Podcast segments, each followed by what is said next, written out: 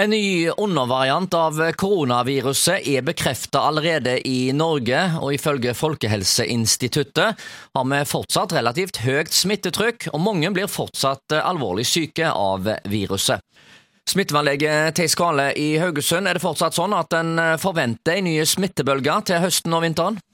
forventer jeg at det kan komme en liten smittetopp til, til høsten igjen.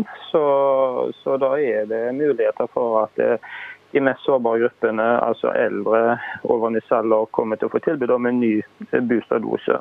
Vi har jo ellers en utfordring i forhold til dette med influensa og andre virus, som eh, plutselig òg har eh, blitt en problemstilling? Ja, for første gang så vi opplevde at det kom en liten topp i influensa i april og litt i mai. sånn at, så, så, det er litt uvanlig. Og så er det veldig vanskelig da, å skille mellom covid-19 og og influensa. Da. Så, det en, så, er det en rekke andre uh, luftveisinfeksjoner, uh, mye halsbetennelser.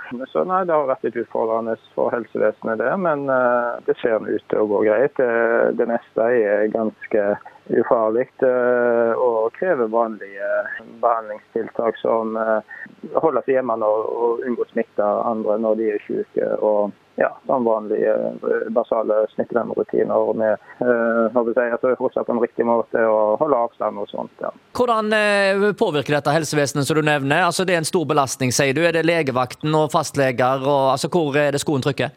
Det er førstelinjetjenesten, altså, altså fastleger og legevakt som, eh, som, merker dette trykket. Men når det blir mange, så blir det nødvendigvis noen som blir mer alvorlig syke, og som også ender på sykehuset. Ja, hvordan er det med innleggelser? Hvis hvis en eh, summerer opp både influensa og koronatilfeller om dagen, er det fortsatt litt å ta seg til? Ja, Vi snakker ikke om noen sånn stor krise, det er det ikke.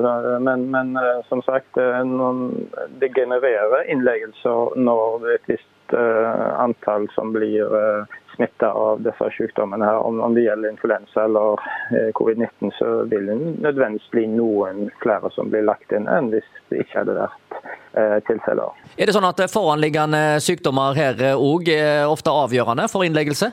Det er det. Alder er kanskje den viktigste risikofaktoren. Og så er det jo underliggende sykdommer og generelt immunforsvar og ja, eh, sånne ting som spiller inn, som gjør at, eh, at eh, man har større sjanse for å bli alvorlig syk. Men vi har jo alltid sett at helt friske folk med godt immunforsvar også kan bli av forskjellige grunner alvorlig syke. Så, så det men, men hoved, hovedrisikoen for å bli innlagt er jo da at de er over 65 år eller har underliggende sykdommer.